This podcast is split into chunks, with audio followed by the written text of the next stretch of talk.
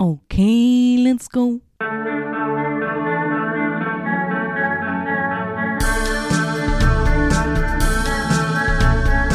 Nicolas Cage podcast.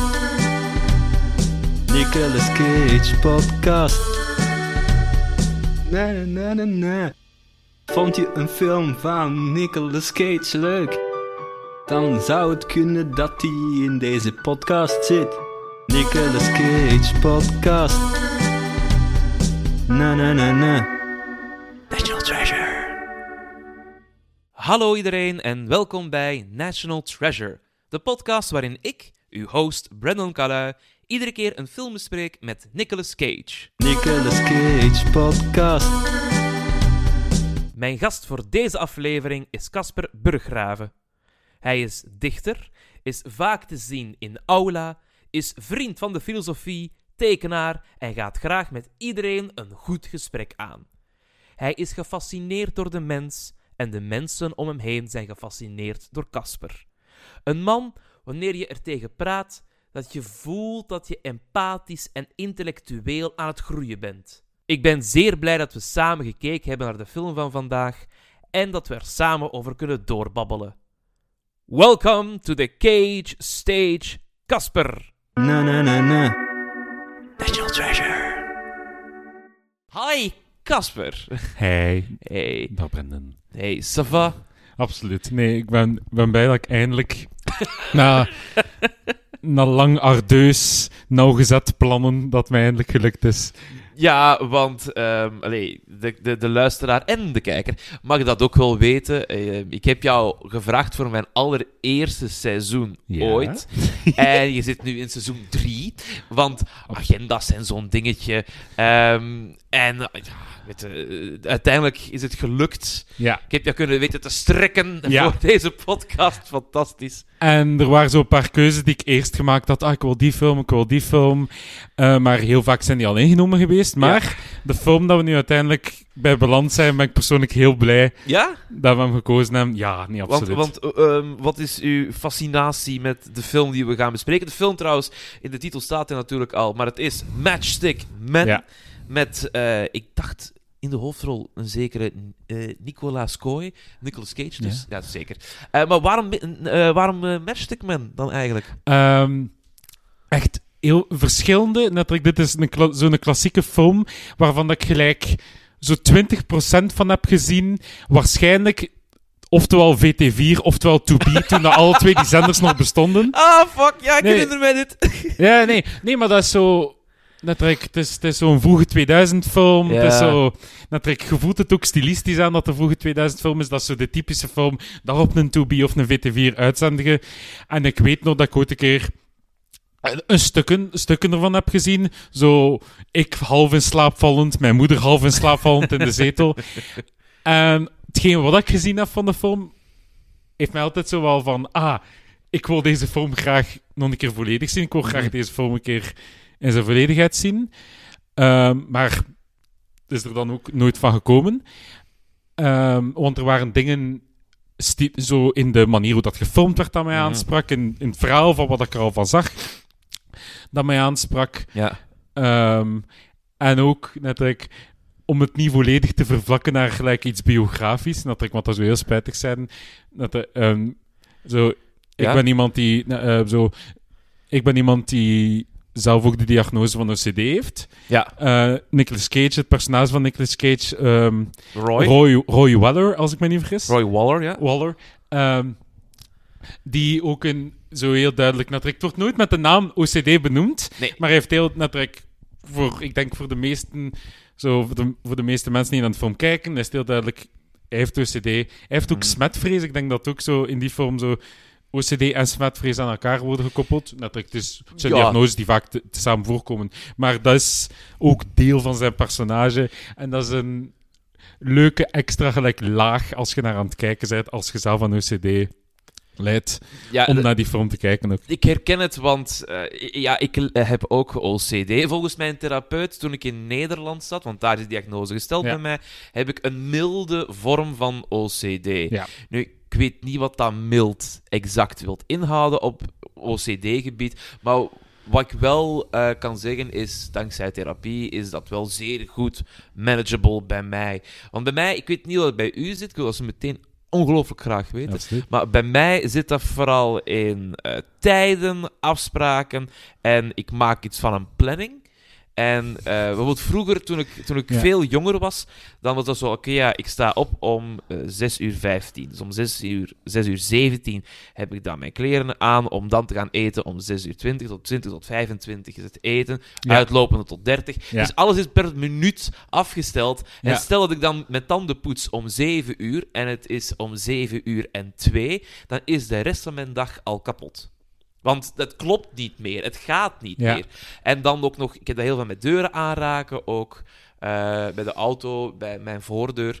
Altijd checken van, oké, die is op slot, trek, eh, duw, tik. Oké, dat is zo, hup, en ik kan weer verder. Dat is, ja, ik, ik, ik word daar niet rustig van. Dat is eerder een, ik moet dat doen. Ja. Ja, het, het heeft niks te maken... Dat is een soort van... Zo, de verwoording die vaak wordt gebruikt, dwangneurose, vind ik een verwoording die zelf toepasselijk Ja. is. Natuurlijk, ik, het, is een, het, is iets, het, is een, het is een neurose en er zit een bepaalde dwang achter. Mhm. Ehm, ik, mijn, de manier hoe dat ik het ervaar, Ja, is veel minder zo gelijk dat planmatige en is veel dichter. bij de genoeg. film. Ja, net, ik heb wel geen, ik heb geen smetvrees, maar het ligt dichter. Zo, bij mij is het heel hard gekoppeld aan handelingen. Is het heel hard Ja. gekoppeld aan tijdens het wandelen, tijdens deuren, schakelaars. Ehm, zo, het heeft alles, het heeft niks te maken met gelijk meetsystemen, gelijk tijd, et cetera, et cetera. Ja, Het heeft alles te maken met handelingen, ehm, met dingen dat ik doe met mijn handen, dat ik dingen dat ik moet doen met mijn voeten, alles wat dat, dingen die in contact komen met dingen, dat is zo gelijk het niveau. Ja, Eh, Want je zei tijdens het kijken van de film, op een gegeven moment zei je, ah ja, hij heeft zo zijn cage-ism, dat hij zijn armen uitstrekt als hij gespannen is. Die, ja, Woe! En je zei, ja, dat is wel iets OCD. Is dat dan iets wat, dat Ja. jij herkent? ja, nee, eh, bij mij het is zo, zo gelijk zo'n kort spasme. Ja. Dat ik, ehm, is eh, zo'n korte spasme is gelijk ehm, heel dicht bij hoe dat ik soms net de druk die opbouwt rond een dwangneurose, Mhm, mhm. de manier hoe dat ik gelijk mijn korte spasme dat ik dat kan oplossen. Ja, Ehm, wel, ik heb, dat herken ik van, van vroeger heel hard. Ja. Dat, dat ik dat vroeger deed, nu niet meer omdat eh, ik, heb daar, ik heb hele concrete eh, dingen gekregen bij mijn therapeut, hoe ik daar mee moet omgaan. En het, het, het, het, het helpt. Ja, nee, bij mij dat er de, zo. Ik, ik, ik ga niet naar een therapeut, maar ik heb wel zo met vrienden Ja. die OCD hebben, dat ik ermee gebabbeld heb, diepgaande gesprekken, heel oplos, oplosgericht die gesprekken. Ehm, zo het besef gekomen van, ah, er kan wel, met die- er kan wel iets dwangend zijn aan die neuroses, Mhm. maar ik kan deze negeren. Dat ik, Ja, maar dat is Ja. het. het is, want ze gaan niet uit uw hoofd. Absoluut niet. Maar je kunt wel zeggen, ik ga er nu niet op in. Eh, want het ding is, is een deel van, het, van de leugen eh, van... van net, ik vind het grappig dat we zo lang blijven stilstaan voordat we zelfs over de film beginnen. Wel- Eh, welkom bij National Treasure. Ah, ja. nee, maar ik wil echt wel graag over de film, want ik vind... Ik ook, ik ook, ik ook. Maar ik vind het ook, dit hoort bij de film. Nee, absoluut. Ehm, wat je weer gezegd? Sorry, te laat. Dat, dat, het, het- Ja. het gaat over, je kunt ze niet uitzetten, maar je kunt wel kiezen van, ik negeer ze nu. Ja, eh, want een deel van gelijk de leugen van gelijk de dwangneurose is, is van... Ah, als je het nu niet doet... Dan ontploft de wereld. Ja, natuurlijk, het is een soort van... Dat is gelijk de, de wager van je dwangneurose. Ja. Maar je moet... You have to call your dwangneurose on his bluff. Snap je? Het nou, nee, er, er zit een groot deel van... Ja, Ja, maar ik... Maar, ja, het, lijkt onoverkomelijk op het moment dat je erin zit. Ik heb dat soms natuurlijk... Ah, als ik nu niet op deze tegel stap, ah, ontplof Mhm. ik. Maar dan stap ik niet op die tegel, stap ik verder. Ik zit 10 meter verder en het is weg. Of zo, het is... eh, of het, het, dein- het, het, het, het deinst weg. Het, het, het is zo... En, en stapte jij dan niet terug? Want ik doe dat soms. hè. Ja, ehm, als ik... Want het heeft vrij veel te maken, stelt dat ik moer ben, stelt dat Ja. ik moe ben. Mm. Ik Mhm. zie vaak dwa dwangneuroses zeggen een kort loopje.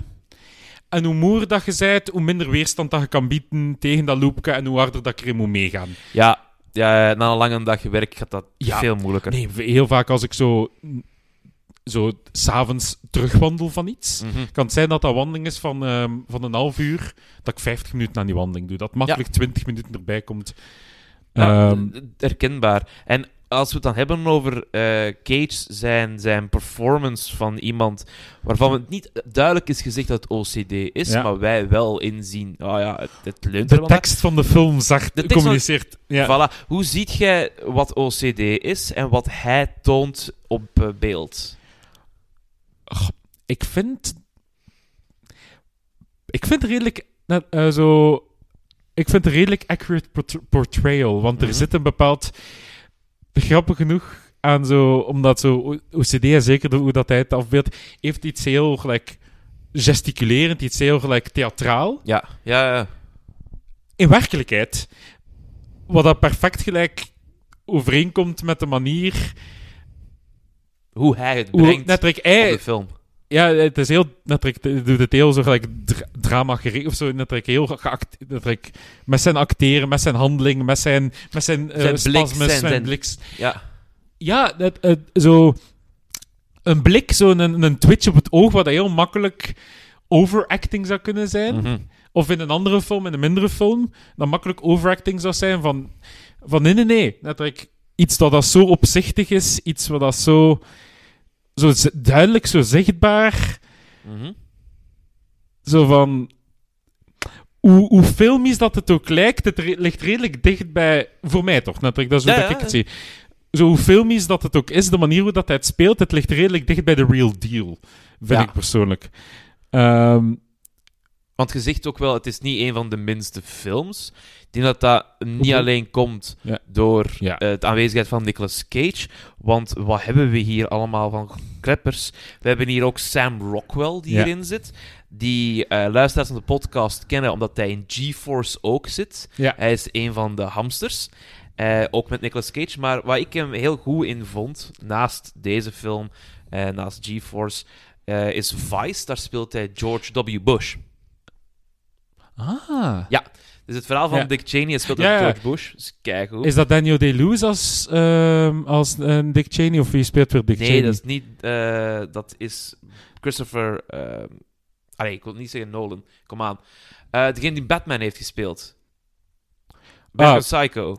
Ja, ik ben ook even zijn naam Ja, kwijt. ik ben zijn naam. Oh, dat is keihard. Maar. Eh, eh, Patrick Bateman. Nee, nee, nee. Patrick Bateman, maar Dick.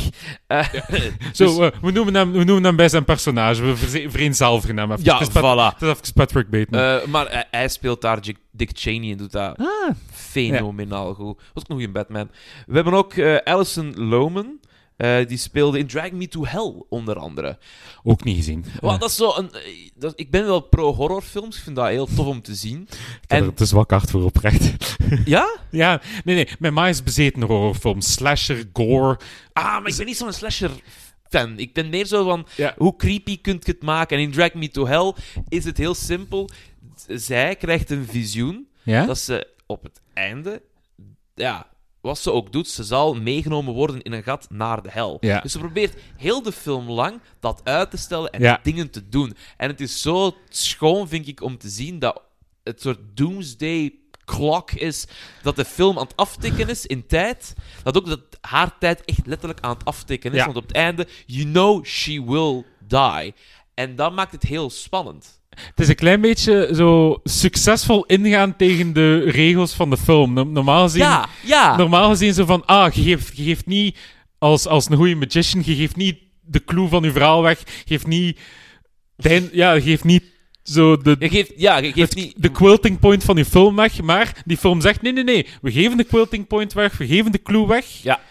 En we gaan dan een film proberen maken die worthwhile is, dankzij het feit dat we het al mee hebben gegeven. Absoluut. Heb ik trouwens ook Ja. gezien op de VT4 of de 2B's van toen der tijd. Ah, ja, ja. Dus we blijven in datzelfde. Maar ook, ja, dit is van Ridley Scott. En Ridley Scott is een keigoede regisseur. Ik, ik, ik vind dat... Ik vind het tegelijkertijd... Want dat was iets dat ik tijdens de film dacht, dat ik voor de film dacht. Ehm, dat, ik, dat ik het vrij interessant vind dat ik Ridley Scott, Mhm. dezelfde persoon van ehm, Blade Runner, Alien. Alien, ehm, Conquest of Paradise, Absoluut. Gladiator. Gladiator Eh, nu ook eh, Napoleon. en Napoleon. Maar dat ik het fascinerend vind van... eh, bijvoorbeeld gelijk Blade Runner en Alien. Dat zijn zo gelijk... Zo science fiction horror klassiekers. Mhm, mhm. Ehm, ergens op bij. En op het kaliber van... Natuurlijk, dat worden de films die terecht ook in het verhaal worden geplaatst van de beste films ooit gemaakt. Ja, altijd in die top 10, hè. Ja. ehm waar ze het dan bijvoorbeeld bij zijn van... Ah ja, een Ridley Scott wordt vaak in dezelfde... Net als een David Fincher of een... eh, zo de Christopher Nolan, zo de Mhm. moderne grote regisseurs. Maar dan bijvoorbeeld een film als Matchstick Man, die ik persoonlijk fantastisch vind, die tegelijkertijd vol zit met een soort van, of eh, doordrenkt is met een bepaalde vroege 2000 filmstijl. Net als je mij zegt dat deze film geregisseerd is, opnieuw, alles hangt ook vast van cine- cinematograaf, je keuze van cinematograaf. Absoluut. Maar die film is Hij ademt zoveel 2003. ja, de, de- de- ik vind de manier hoe dat de, hoe dat de, manier hoe dat de film gecolor grade is. Eh net ik Ja. gaande van, gaande van zo de heel gelijk donkere, blauwe, groene interieuren. En op het moment, net, zeker in de eerste scène, op, met wanneer dat de, de, De schuifdeur open- eh, gaat, zo dat hevig geel. Eh, en ook iets zodat ehm, niet veel films meer ziet doen. Ik denk misschien wel arthouse of indie films. Slide cuts. Eh, de, de- in de Oh. film. Goh, dat durf ik niet hardop te zeggen. Of ja, er zijn heel veel. Het is niet, meer, niet per se meer bon ton in bijvoorbeeld uw, uw blockbuster-films, maar er, zit zo, er is een heel Nee, groot is gebruik. Er is een heel groot gebruik van uw slide cuts. Net in plaats van zo. Ja, omdat ik, ik- wat ik daar meestal bij denk is omdat eh, hij is de matchstickman, hè, hij slittert overal binnen. Ja, nee, nee. Als ook het hele ding met die deuren dat hij open doet, dat zit voor mij allemaal tezamen in die cuts. Van, Ja. Hij slides binnen ergens, door die deur met, Ja. zijn, met zijn neuroses, en zo slitteren wij ook ja, de hele tijd de- verder. de- de- ik vind dat het gigantisch hard bijdraagt aan de feel van de film. ja, snap ik. Maar ik vind dat fascinerend dat zo bijvoorbeeld dat je, dat een mens die zo like, die klassiekers heeft gemaakt, ook een film dan maakt die zo hard niet verouderd. Ik vind dat eerder gelijk zo van zijn. Zo, Hij, als hij je, toont zijn tijd. hij toont ik. zijn tijd, maar soms als je dat zegt, denk je, ah, hij toont zijn tijd, dan pijst je, ah, het zit er gelijk zo eh, vast in, in die periode waar dat gemaakt is. Terwijl ik van, nee, nee, nee, ik, ik voel vroege 2000, maar ik vind dat de film 100% nog werkt. Ja, ik denk een van de weinige momenten dat je zou kunnen zeggen deze film is daadwerkelijk verouderd, is ze gebruiken van die eh, payphones. Een kotteke waar je naar in gaat om een telefoon Ja. te pakken. Dat is nu een, een gsm, maar verder dan dat, het Ja. werkt wel. Het blijft overeind staan. En dat vind ik wel heel knap. Zeker als je dan weet dat eh, dit is gebaseerd op een boek Ja. eh, van Eric Garcia. Die schreef ook Anonymous Rex, Strange But True en Kaleidoscope. Die schrijft boeken, die schrijft scenario's, die doet Ja. van alles wat. En eh, voor deze film, in het boek, hebben ze eigenlijk gezegd van, ja, weet je, hij is ook gekant geweest op het einde en daar stopt het eigenlijk. En Ridley Scott was dan een van de mensen die zei van, ja, maar dat gaat het publiek toch niet appreciëren, dat, dat kun je niet doen. Dus het hele ding op het einde van de film, de One Year Later, Ja. als hij dan werkt in die ehm rockstore. Wat ik trouwens een hele mooie callback vind, omdat de hele tijd gaat hij van let op mijn tapijt, let op mijn tapijt, alsjeblieft, let Ja. op mijn tapijt. Hij verkoopt nu eindelijk tapijten. Dat je dan eh, Angela terugziet en ja, hij heeft vrede, zij heeft vrede, ze gaan rustig uit elkaar. Dat heeft hij gezegd van, dat moet er wel bij, want u, anders gaat het publiek naar buiten wandelen met het idee van, ja, sorry, fuck deze. Ja, net, ik, vind niet, ik, vind dat zelfs nog een stap verder gaat dan het publiek. Net, ik vind dat dat zelfs... ehm, het is niet enkel zo zeggen... Ah, Ridley Scott heeft inzicht in zijn publiek. Ik zou zelfs durven zeggen, Ridley Scott heeft inzicht in het verhaal. Net, ik, ik vind niet eens... Net, ik, ik zou... één, het publiek heeft het nodig. Ik zou zelfs durven zeggen dat het verhaal het nodig heeft om te werken. Eh, los van wat het publiek ervan vindt. Puur, Ja, ja. gelijk- puur gelijk Vooral technisch, echt. vooral technisch. Ehm, Omdat je een closure wilt? Of... Niet per se, ehm, want ik vind niet dat, de, ik vind niet dat hij closure. Dat, je kunt misschien zeggen op het einde, einde. Of dat eh, terug naar zijn, zijn ex-vrouw gaat en er is een baby onderweg. Nee, nee dat, is geen, dat is niet zijn ex-vrouw. Dat is, ehm, dat is die kassierster. Ah ja, god, fuck. Wauw. Dat, Dat is, dat is een die, grote, die, al- grote die- fout van mij. Nee, nee, Sorry. nee, geen probleem. Maar die, die zal de hele film gelijk zo... Ja, eh, dat is Cage tof, hè. aan het aaien. Nee, maar dat is zo... Nee, het eindigt wel maar gelijk zo een mooie... st- een st- dat ik het eindigt met een einde. Dat ik het eindigt met... Ik zou niet durven zeggen een strik op het einde, want ik vind... Nee, het is geen... stri- Nee, nee, ik vind dat dat dan persoonlijk de film oneer aan doet. Ehm, maar ik vind niet dat het zo gelijk... Clo dat closure... Ik vind dat de film ambigu eindigt eh, op een manier dat ik persoonlijk zalig vind. Ehm, ik- ehm, Maar wat, wat bedoel je daarin met het Ja. ambiguë? Want ik bedoel, hij heeft zijn vrouw, hij heeft een kind onderweg, zij is content. Oké, ja, zijn Want- partner is weg, maar... Ehm, nee, want wat ik ehm, zalig vind aan. Aan specifiek, niet, niet de laatste, laatste scène, maar de scène hoe dat, de scène hoe dat ze. eh, de tapijtenwinkel. met de tapijtwinkel met Angela. Ja? Is het feit van gezegd dat ze uit elkaar gaan, dat ik eh, Em en Angela. Ja? Eh, hoe dat ik die scène zie, is eerder dat. Het eindigt natuurlijk, dat vind ik, er zijn zo'n paar dingen in de laatste scène geschreven die ik persoonlijk fantastisch vind, hoe dat ze het geschreven hebben. Mhm. Ehm, het eindigt met een belofte dat ze elkaar nog een keer gaan zien. Het eindigt met, Ah. met dat ik zo van, ah, I'll see you dad, en ze zijn aan het zwaaien, waardoor dat, hetgeen wat daar gelijk geprojecteerd wordt in de toekomst, is eerder een soort van, natuurlijk een besef dat ze veel voor elkaar betekend hebben in een soort van pseudo Relatie, vader-dochter. va- vader-dochterrelatie. En dat het feit dat het tegelijkertijd biologisch niet echt is geweest, is geen reden om, het, om, om de relatie niet verder te zetten. En dat is een heel Mm. een prachtig punt om op te eindigen, want ik vind dat heel veel van de film. Het is een film over cons en grifts. Ja, absoluut. Ehm, het is een film dat heel hard gaat over Liegen, bedriegen. liegen en bedriegen en artificialiteit. En, ehm, Op elk niveau artificialiteit. Ja. Want zijn tics zouden nog kunnen zeggen dat die niet echt zijn omdat hij placebo-medicijnen krijgt.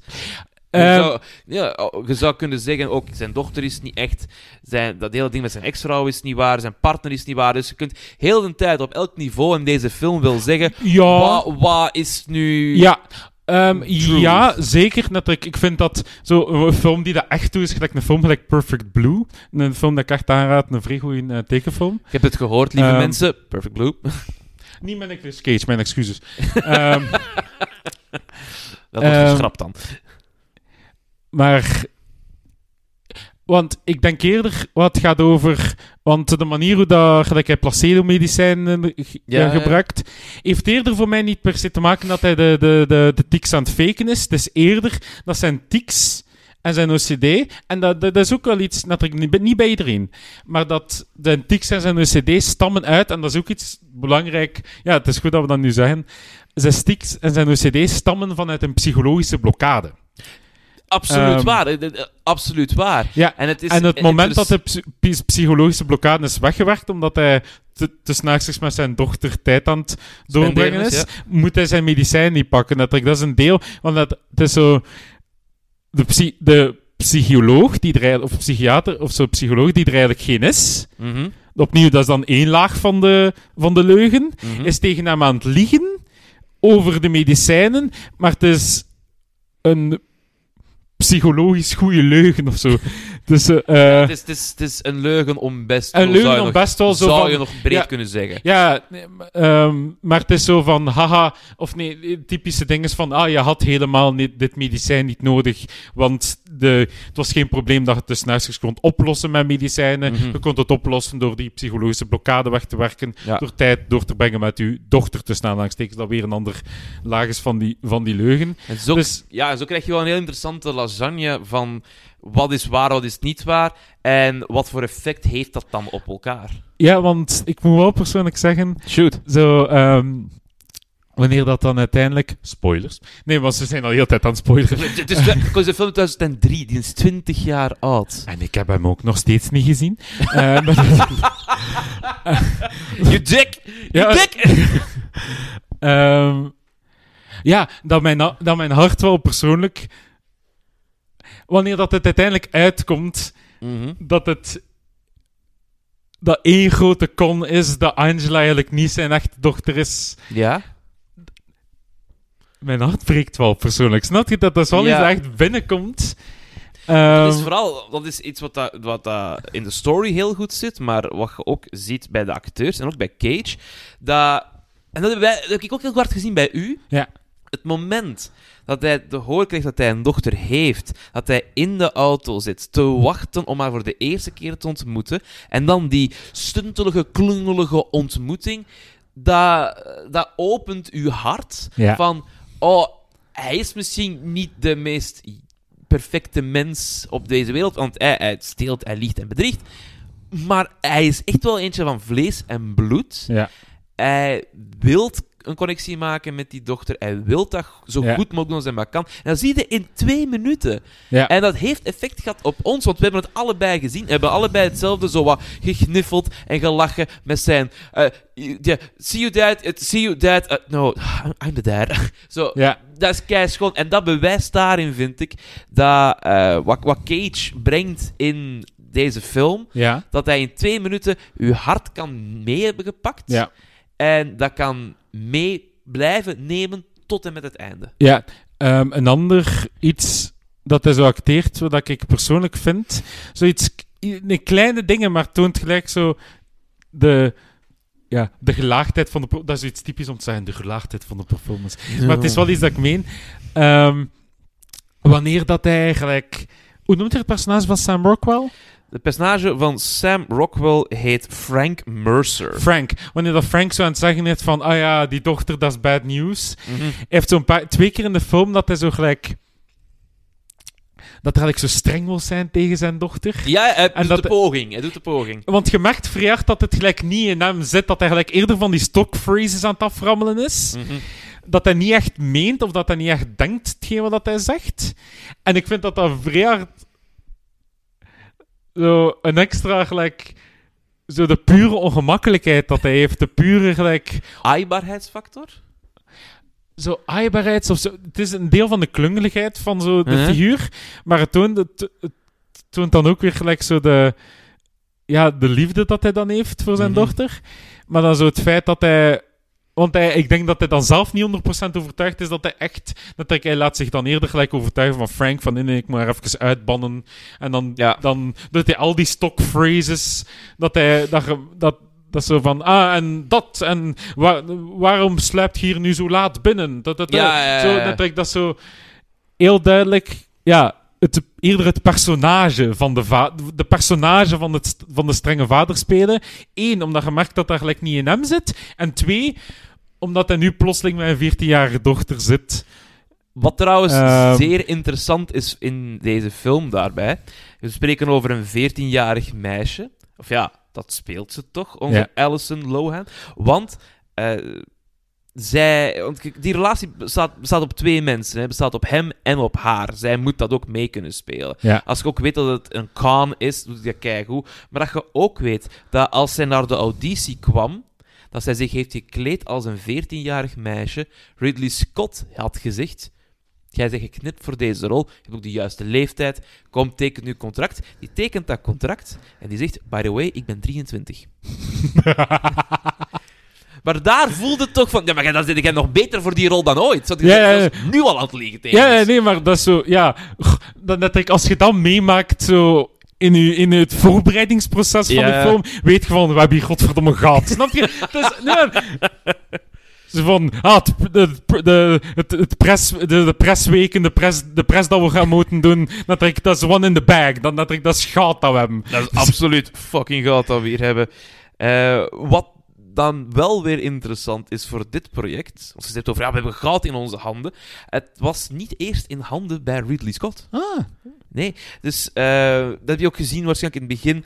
Eh, Scott Free Productions heeft deze film geproduceerd, Ja. het huis van Ridley Scott. Maar dat was niet het eerste productiehuis waar deze Ah. film naartoe zou moeten gegaan zijn. Want eh, het was Robert Zemeckis, dat is wel een gekendere naam in de Ja. productionwereld. Die had gezegd, wij leggen dat bij DreamWorks, want die mannen die moeten ons nog een film doen. Wij, moet, allee, wij van Warner Brothers, die moeten ons zo'n film leveren. Ja. Dus die zeiden die van, oké ja, DreamWorks, doe de gullen het.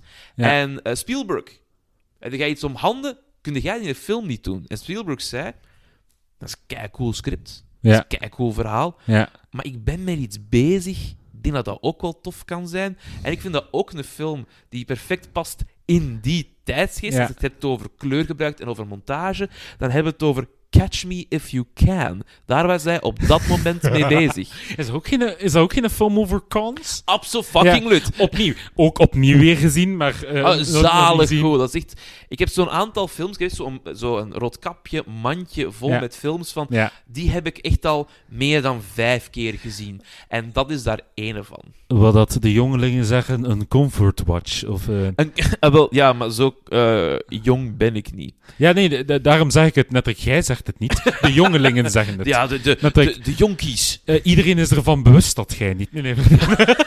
Ja, ik ben 30, hè. Fuck Absoluut. you. Eh, heb jij ooit die films gezien van Oceans 11 of 12 of 13? Ja, en dat is ook iets wat ik grappig dat je erover begint.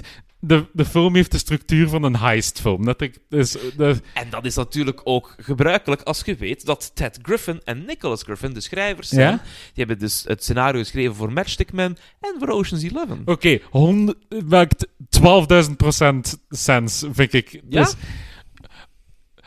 het feit dat er een soort van een, een grotere con is boven de con dat ze aan het... Nee, maar het is zo...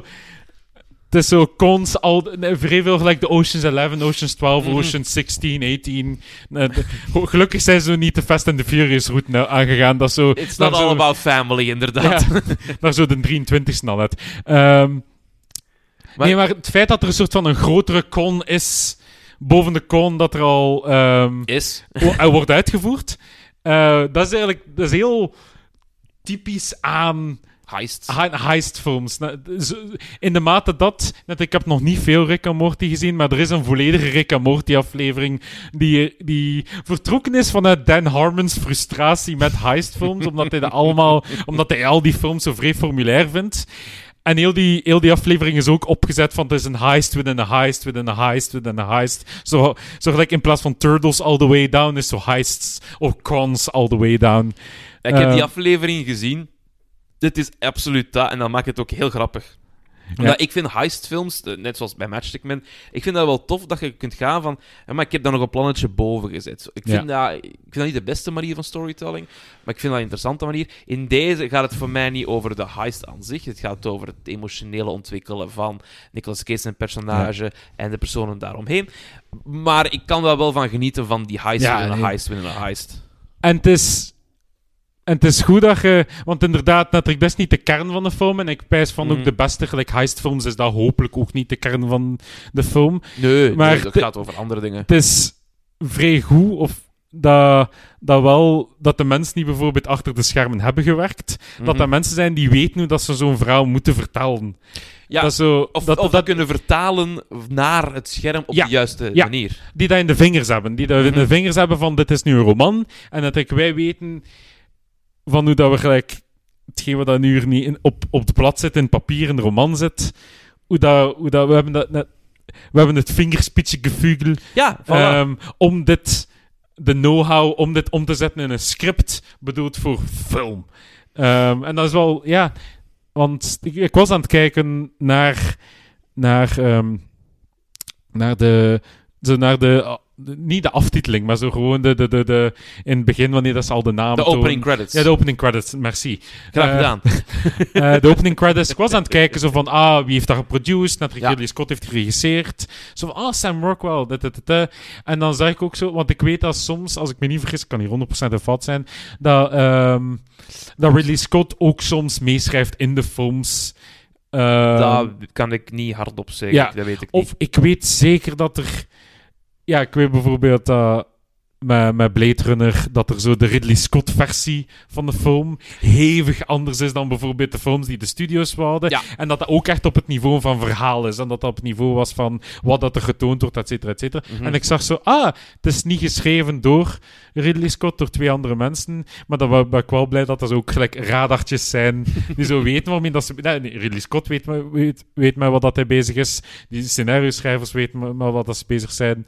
Ehm, zo, Nicolas Cage, Sam Rockwell. Ik ben de naam van de actrice even weer kwijt. Want ik Eh, wil dat wel weten, want ik vind dat ze... Alison Lowman. En Alison Lowman, persoonlijk, ehm, eh, mijn favoriete performance van de film. Eh, Ja? Ja, beter Alright. dan Cage.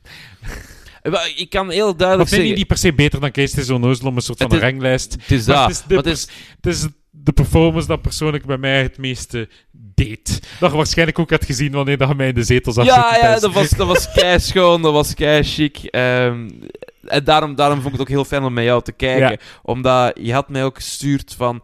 Ja, ehm, ik vind het niet zo fijn om een film alleen te kijken. Ja. Kunnen we niet samen kijken? Ik dacht, Ja. ja, sure, dat, dan doen we dat. Dat is geen enkel probleem. maar het was, het was een heel leuke ervaring om Ja. te zien. Want ja, ik heb die film, dat is volgens mij de vijfde of de zesde keer dat ik die heb gezien. De eerste keer volledig bij mij, dat ja. Maar het is heel fijn om dat te zien bij iemand anders. Van hoe ervaart hij die film? Ja, En we hebben het al gehad van ja, eh, bij die, die twee minuten stundelen ben je heel excited. Ik heb u ook wel in de spanning gezien als dan de Khan eh, verder doorgaat. Ehm, trouwens, een heel leuk weetje over de Khan aan zich. Dus op het einde van de... Allee, richting het einde van de film gaan ze naar de luchthaven om daar een swap te doen met koffertjes met geld. Eh, een, een, classic bait and switch. En dat gingen ze normaal gezien doen op LAX, dus de luchthaven van Ja. Los Angeles. Eh, maar dat hebben ze niet kunnen doen, omdat het was 2003. En twee jaar eerder hebben ze zo ja, lastig gedaan met vliegtuigen en torens. ja. Ja. dus eh, dat vind ik een heel grappig dingetje. Dat, dat, dat heeft geen impact op de film, maar ik vind dat leuk. Dat is dus gefilmd in die Anaheim Convention Center. En dat ligt op een steenworp van Disneyland. En het leuke is, als je dan Ja. weet dat Nicolas Cage ook heeft gewerkt voor companies van Jerry Bruckheimer onder andere. Ja. Die films die zijn opgenomen ja, in de Disney canon, die staan op Disney Plus, Ja. die zijn van Buena Vista. Je denkt van, ah, was het maar een keer, kon het maar een keer dat Nicolas Cage een Disney-prinses was. En ik vind wederom met deze film van, nou, we komen weer dichter in de buurt bij Disney-prinses. Dat is dom. De, de wish fulfillment, net like uw, speci- uw specifieke Moby Dick is, ehm, is, is eh, Nicolas Cage als Disney-prinses. Dat is zo, als deze podcast zo'n seizoenseinde heeft, net like moeten, moeten we ChatGPT of DALI eraan zetten om... eh,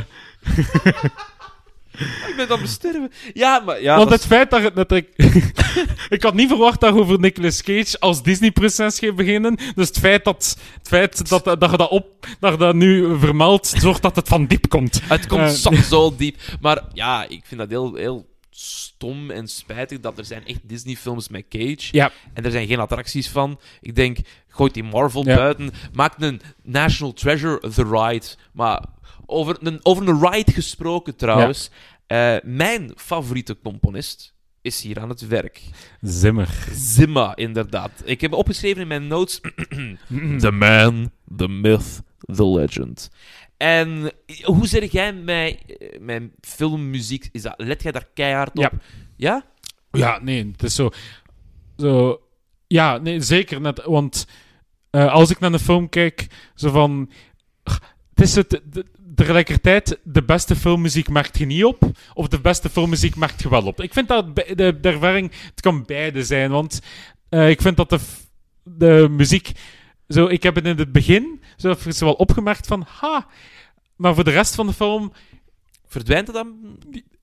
verdwijnt het niet, wordt het deel van gewoon hetgeen dat je naar aan het kijken bent. Ja. Het is zo, maar het feit dat... Want ik zag, ah, Hans Zimmer, Mhm. maar er is heel veel...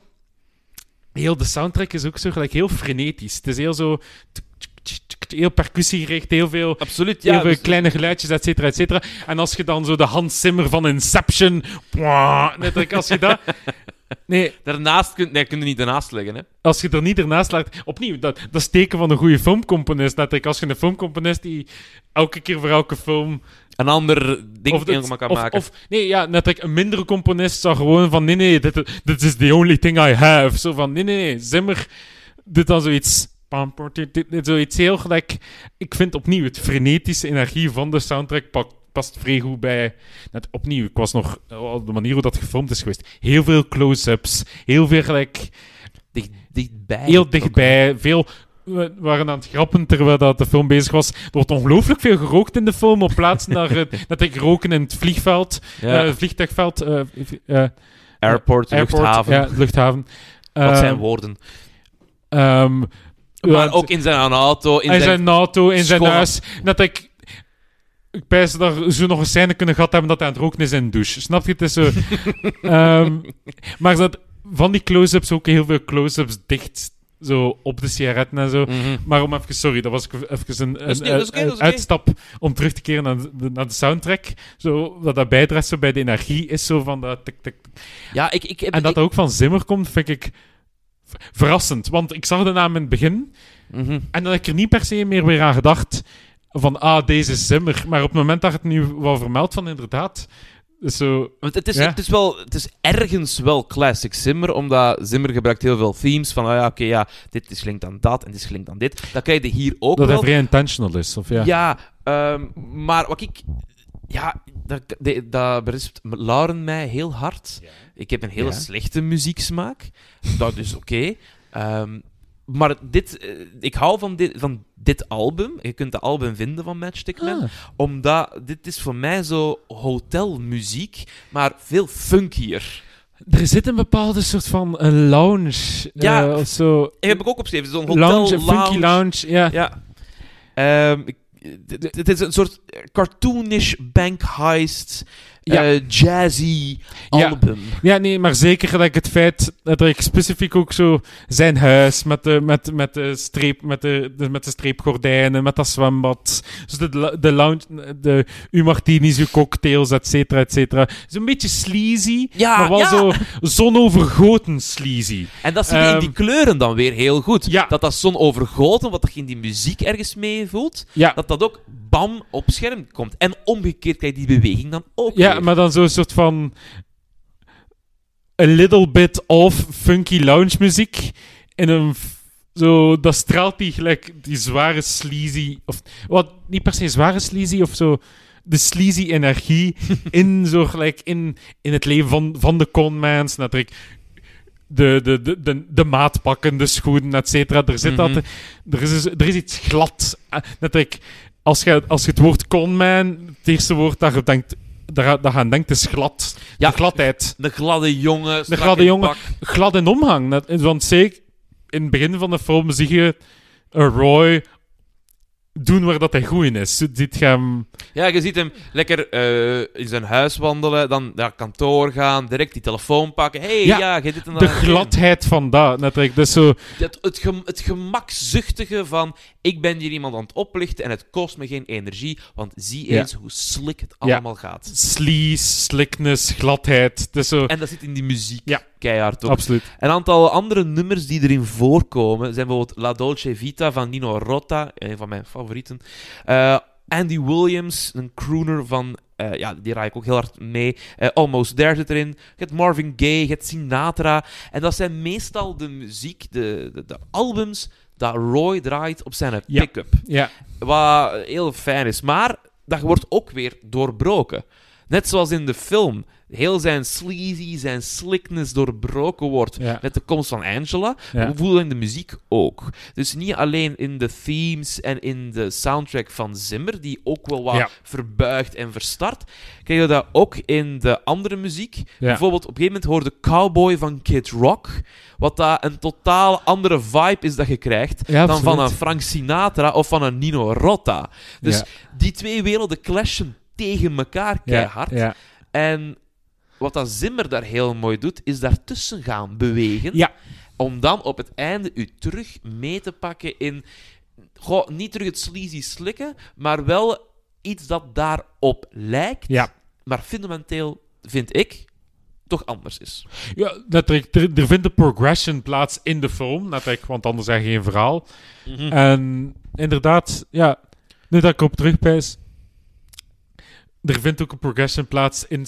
zijn- eh, de soundtrack is niet blind voor het feit dat er wel iets veranderd is tussen het begin en het einde van de film. Absoluut. Ja. En het gebruik daarin, dat Zimmer beseft heel goed van.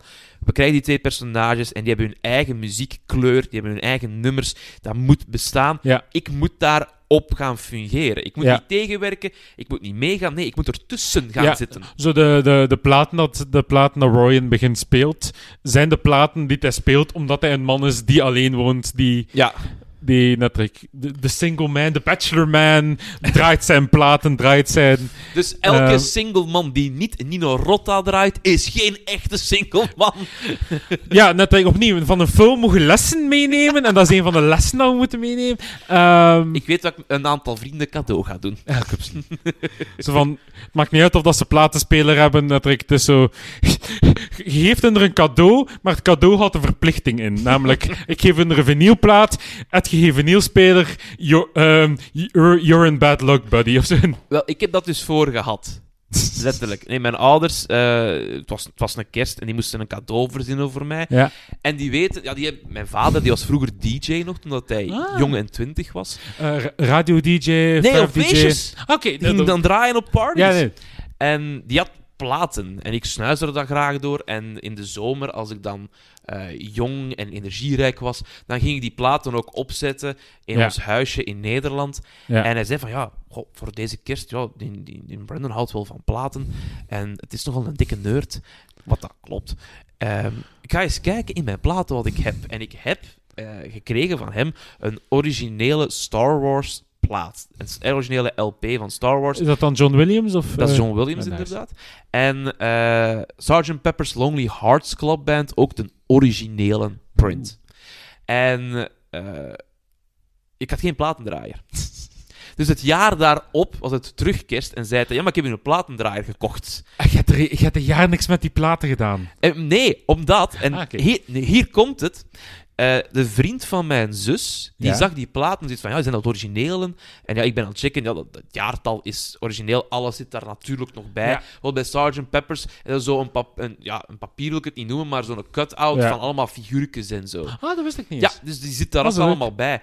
En eh, ik denk dat twee, drie weken later was dat mijn vader mij opbelde. Hey, Brandon, alles goed? Van, ja, ja, ça va. Zeg, ik wil het even hebben over die platen. Zeg, ja. sure. Ja, je mocht die nooit afspelen. Zeg, ah, hoezo? Ja, eh, Joris, hè, de vriend van mijn zus, heeft die opgezocht. Die van Star Wars is 350 euro waard en die van Sgt. Peppers 5 tot 600 euro. Dus als je die draait, dan verminderen die in waarde. Dus je hebt nu je pensioen gekregen van mij. Blijf er vanaf. Als het ooit misgaat, verkoop die platen dan. Dat is, dat is, dat eh, gelijk eh, wat dat sommige mensen gelijk onder, eh, omdat ze denken dat de wereld gaat vergaan, ze hun geld steken in goud, omdat ze het gevoel hebben dat goud... Ja, eh net één, al steken in goud en dan goud wegsteken in de grond. in de grond, of gelijk dat Nicolas Cage doet, in een hond. Eh, ja, het was wel, de, de, de sound effect van de hond was wel nog funny. wanneer dat of de geluiddesign. Nee, maar op dezelfde manier dat mensen gelijk zo van, ah, de- deze, ver- deze verandert niet van waar. Of zo, mensen die Mhm. vrij goudfanatieken zijn, gaan ervan uit dat goud nooit gaat veranderen. Ik, ik, ken niks van financiën, ik ga niet. maar er zijn mensen die bijvoorbeeld, haha, ik ga nu al mijn geld proberen stockeren in. In, in, in, in vaste assets. eh, laat, Mhm. ik, laat ik het in goud steken en laat ik mijn goud wegsteken in mijn huis. Jij hebt dat in de vorm van een. eh, Van twee, van, van, twee van twee LP's. Dat is zo van, ah ja, weet je dat cadeau van vorig jaar? Dus het cadeau van volgend, volgend jaar ook. En het is, en het is, uw, en het is uw nerfenis. Snap je dat? Ik Ja, zo, het is, exact. Maar dat was een beetje de het is boodschap. retroactief uw nerfenis geworden. Een prachtige manier om uw nerfenis te krijgen. Ja, en ik weet ook niet veel van, van financiën. Om de film Ja. te citeren, you know, foreign money is... uh, no, uh, money is like a foreign film without subtitles. Ja. Bij mij exact ook zo. Ja. Eh, maar wat dat, dat niet bij is, is terug bij die muziek. Want eh, het is de tweede film waar dat eh, Cage en Zimmer aan het samenwerken. ja? De andere is The Weatherman. En voor Ridley Scott... eh, ja, Matchstick Man, Weatherman. Ja, we, zitten- we zitten bij de, bij de film. Eh, de regisseurs van, kennen elkaar ook goed. Hè? De, The Rock van Brockheimer en Michael Bay, de Weatherman van Gore Verbinski, die kennen elkaar ook zeer goed. Dus je krijgt ook wel iets van, ja, weet je, weet je ons kent ons, weet je, we, we wisselen wat nummertjes uit, vrij letterlijk met de muziek, Ja, en we gaan weer door. ja, ja, we wisselen de nummers uit of ehm, eh, we wisselen onze cage uit. Of dat je het gevoel hebt dat ze de cage wordt doorgegeven als een hete aardappel van film naar film. Of, eh, Ja, pass the cagey on the left-hand side. Ja. Nee, maar dat, dat, dat je ook zei dat er zo films zijn.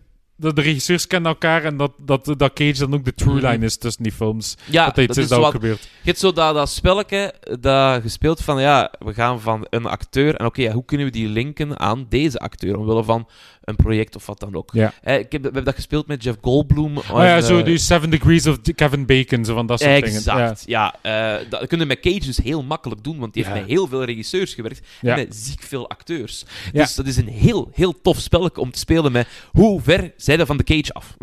Het is zo... Iedereen wil gelijk zo... Iedereen wil gelijk een keer iets proberen met, een, met Cage. Iedereen wil een keer een Cage inzetten. Ja. Zo van... Wat kan ik ermee doen? Ja, wat kan... Nee, dat is oprecht. ehm, want...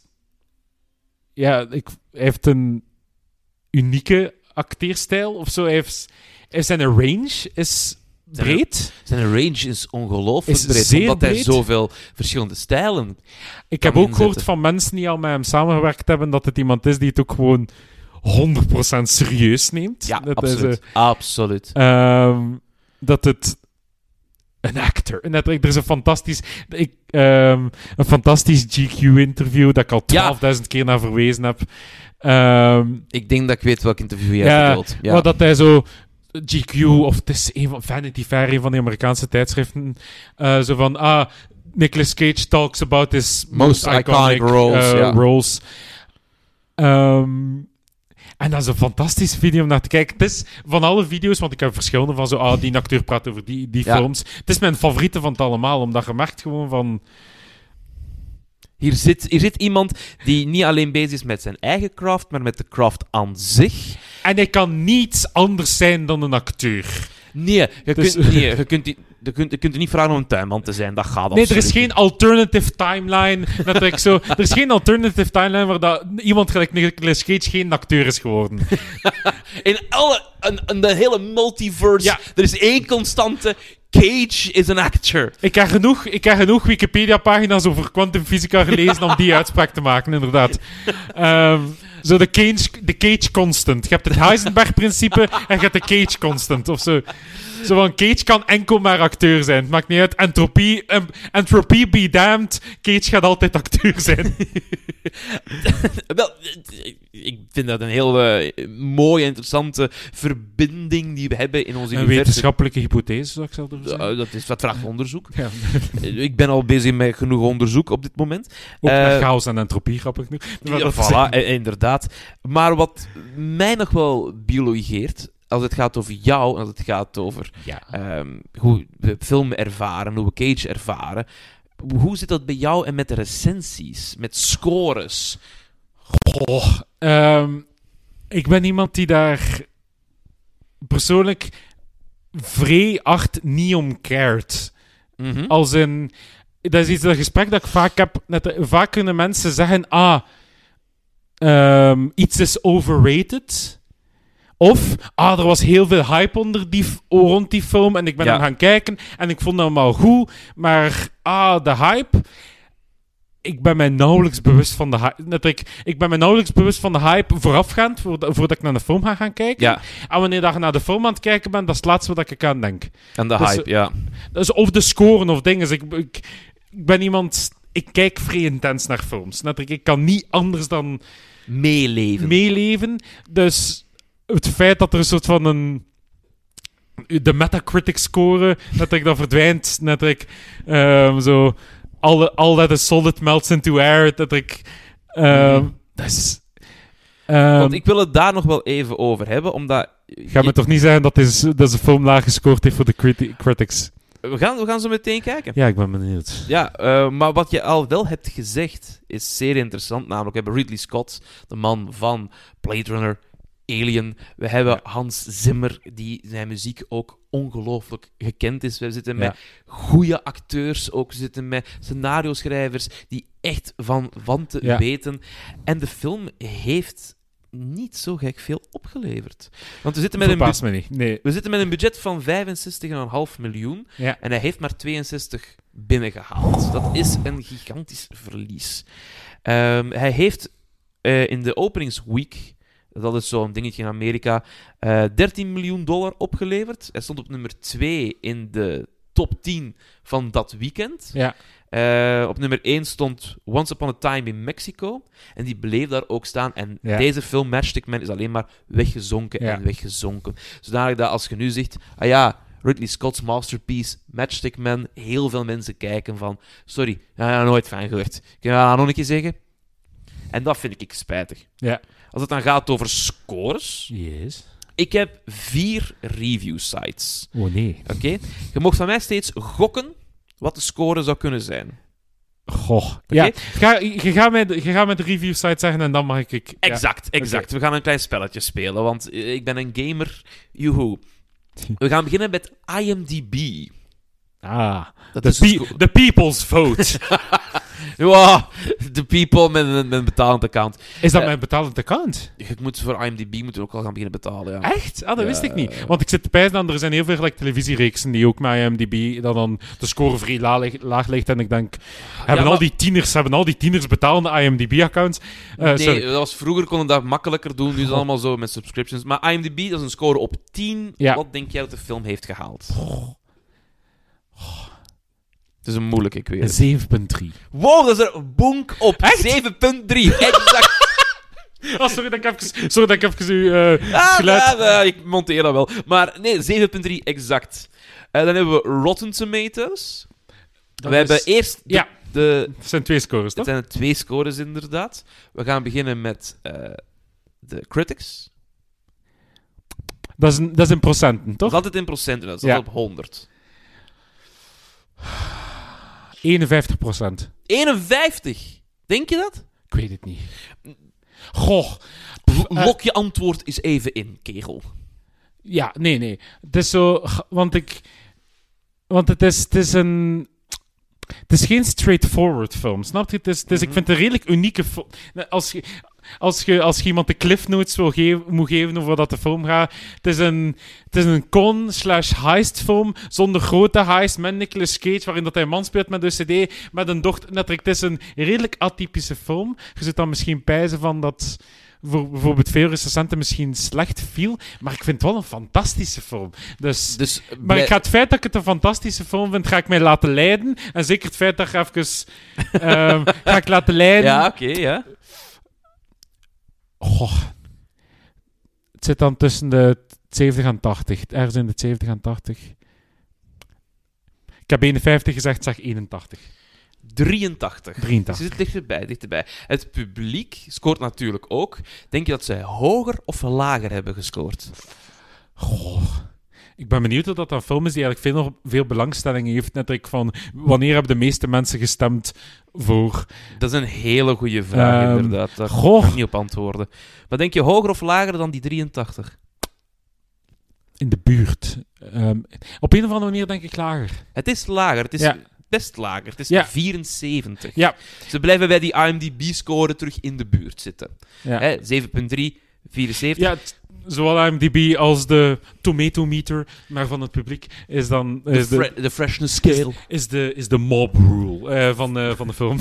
Dan hebben we de Nederlandse Movie Meter. Dat is, of, dat is heel makkelijk. Gewoon van, wij kijken films.nl, godsamme kerel. Eh, dat ik is heb nog een account gehad op Mu- Music Meter, dus... Ja, wel, eh, voilà, dan weet je eh, exact wat dit is. En dat, is, eh, dat zijn op sterren, dat zijn op vijf sterren. Wat denk je dat eh, de sterren zullen zijn? Mensen op forums hebben vaak verschri- verschrikkelijke hot takes. Mhm. Ehm, en het is heel hip om op dingen te haten. Dus eh, dat, dat is iets dat ik... eh, Wat dat- denk je dan? Op vijf.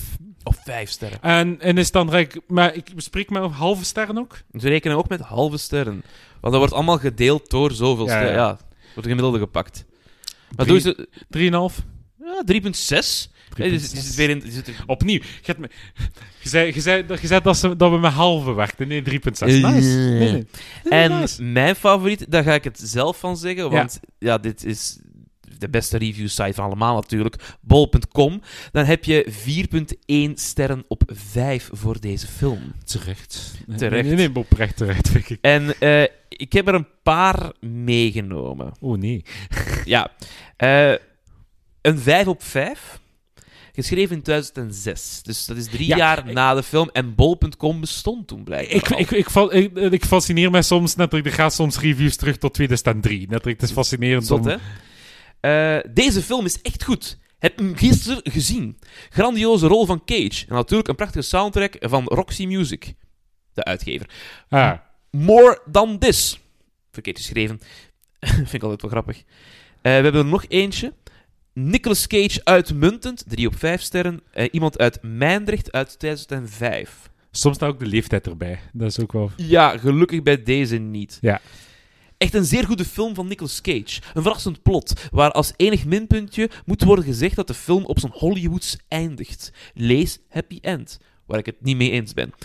En dat terwijl het einde van de film beter vijf minuten eerder had kunnen liggen, lees een happy end. Het beeld wordt langzaam zwart, je leidt met de hoofdpersoon mee, fantastisch einde. Helaas komt er dan geen aftiteling, maar wordt in vijf minuten nog even een happy end gebrouwen. Mijn tip is dus, als het beeld zwart wordt, film stoppen. Je hebt een fantastische film gezien. 100% oneens. Op een, Ja. heel, op een heel diep niveau oneens. want, zoals dat ik, want dat is ik, eh, ook de punt dat ik daar juist aan het, want, eh, aan het maken was van. De film is zoveel rijker door hoe dat het Ja. omspringt met die... Specifiek met de ambiguïteiten van de relatie tussen hem en Angela. Is iets dat... Is schoon is, je moet, het- je moet het erin steken, vind ik. Het is, het is schoon, maar ook heel uniek. Heel uniek. Net, Mhm. Heel uniek aan dat verhaal. Heel uniek aan alle, aan alle ingrediënten van dat verhaal. Nu, ik heb ook nog serieuze reviewers meegenomen. Mensen die er effectief kaas van hebben gegeten. Mensen die betaald krijgen. Roger Ebert is bijvoorbeeld Ja. zo iemand. Ja, je kent hem. Ja. Eh, het is een heel... eh, voor Chicago Sun-Times Van heeft hij ebert.com. Ja, dat is- Ja. eh, eh, helaas al overleden. absoluut. Hij schrijft: So absorbing that whenever it cuts away from the plot, there is another better plot to cut to.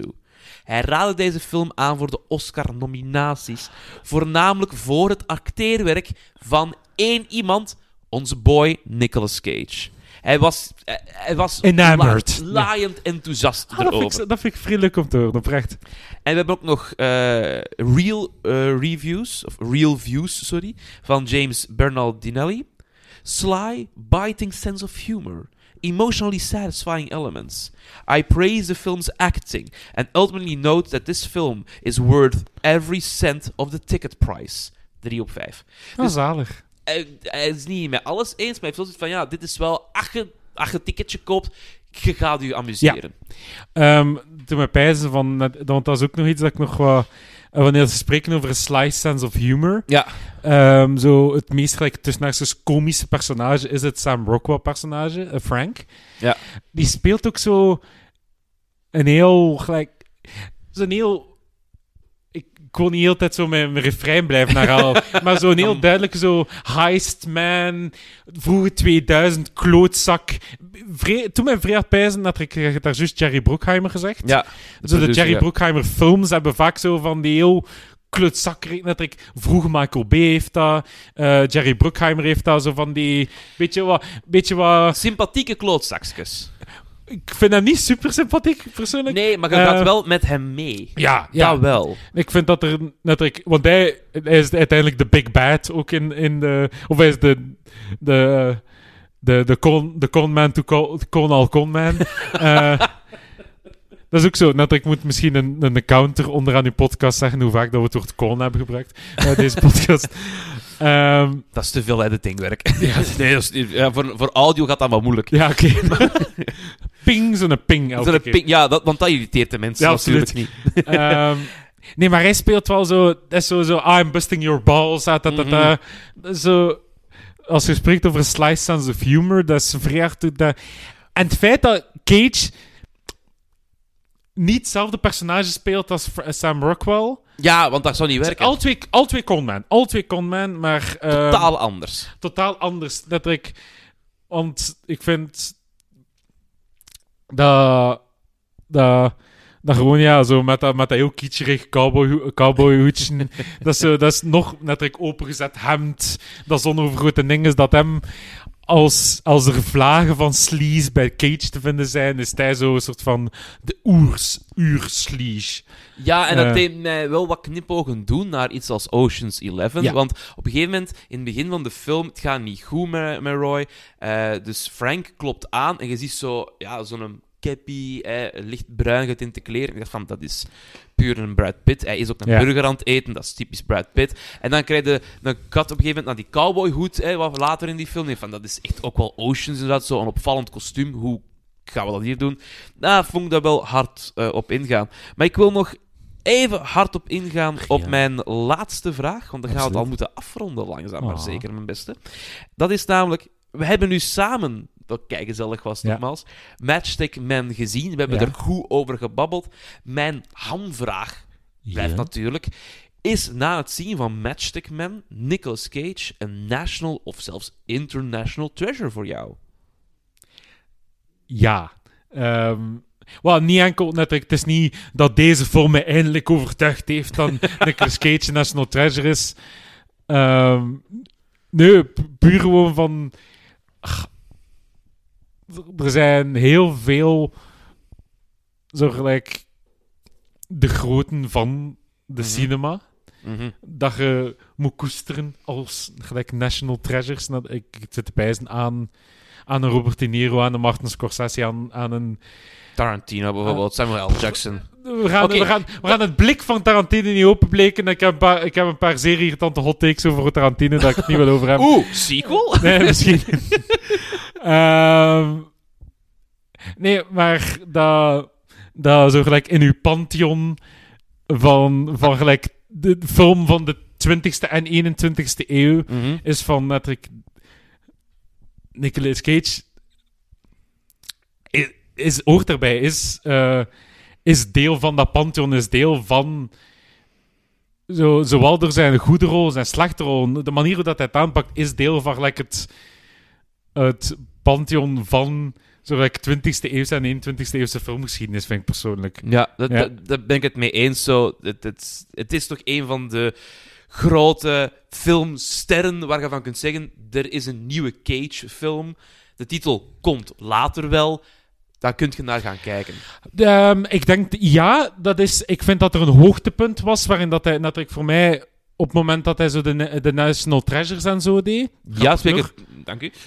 ehm, 2011 zitten we dan, 2012. dat, dat is zo gelijk, zo Nicolas Cage op het hoogtepunt van filmster. Natuurlijk. Ja, Eh, omdat ja, het zit, het zit echt wel op ja, goede films bezig. Als ook in hele grote ja, studios. maar voor mij is dat zo gelijk de periode, zodat er een beetje voor, waarin dat hij echt zo op het hoogtepunt zit van filmsterren in de zaal. Was gesprek over een George Clooney, gesprek over een Brad Pitt, et cetera, et cetera. ook over Nicolas Cage. Dus op die periode is de hoogtepunt van gelijk ehm, hem als filmster. Mhm. Maar ehm, hetgeen wat dat, hem- hetgeen wat dat eigenlijk een stap verder zet en waarom dat ik vind, is het feit van hij is. Ik vind dat hij meer acteur is dan filmster. Ja, En dat is. En dat is. Dat is juist het goede aan hem. Dat is juist, dat is juist geen dat ik als Cage ga herinnerd worden. Is het feit dat hij meer, meer acteur was dan filmster. Ik vind. ehm, want dat is ook de dat ik. Waarom dat je zelfs een volledige film met een soort van metafilm over Cage, waarom dat Cage zo'n cultfiguur is Mhm. Er zit zo'n soort van. Er zit iets excentriek ook in de figuur. Dat er, er is zo, er is, hij is niet 100% gepolijst. Dat er, de, man blijft, de man blijft maar dinosaurusschedelen kopen. Ehm, Tweekoppige slangen, spookhuizen. dus zo, je merkt dat zo. Dat hij misschien niet 100% gemaakt is om filmster te zijn. Want om filmster. Hij is ietsje gelijk. Hij is inherent qua persoon misschien ietsje te excentriek om echt gewoon fulltime filmster te zijn. Op een Mhm. manier dat ik fulltime filmster zijn. Dat is een talent, snap je? Het is zo. Het is een massive talent. Wat? Het is een Het mes. is een massive talent. Knipoog, knipoog. knipoog, knipoog. Maar ik vind zo juist... Ik vind Cage is niet gemaakt om filmster te zijn. Cage is veel meer gemaakt om acteur te zijn, denk ik. Ik vind het heel mooi dat je spreekt over zijn excentriekheid en over dat hij niet gepolijst is. En dat is ook een van de redenen dat ik jou heb gevraagd, omdat je bent ook lekker excentriek. Je bent niet gepolijst en je bent daardoor een, en je was daardoor en je bent daardoor een zeer fijne gast geweest voor deze podcast. Casper, een dikke, dikke merci dat je dit wou doen. Nee, ik vond het zalig. En eh, wie weet tot een volgende keer. Seizoen 4. Dit was het voor deze keer. Ik bedank graag Jeff Jacobs en Naomi van Damme voor de intro, Megan Kremers voor het artwork en u om te luisteren. Graag tot de volgende keer when we will capture lightning in a cage. Nicolas Cage podcast. Na na na na.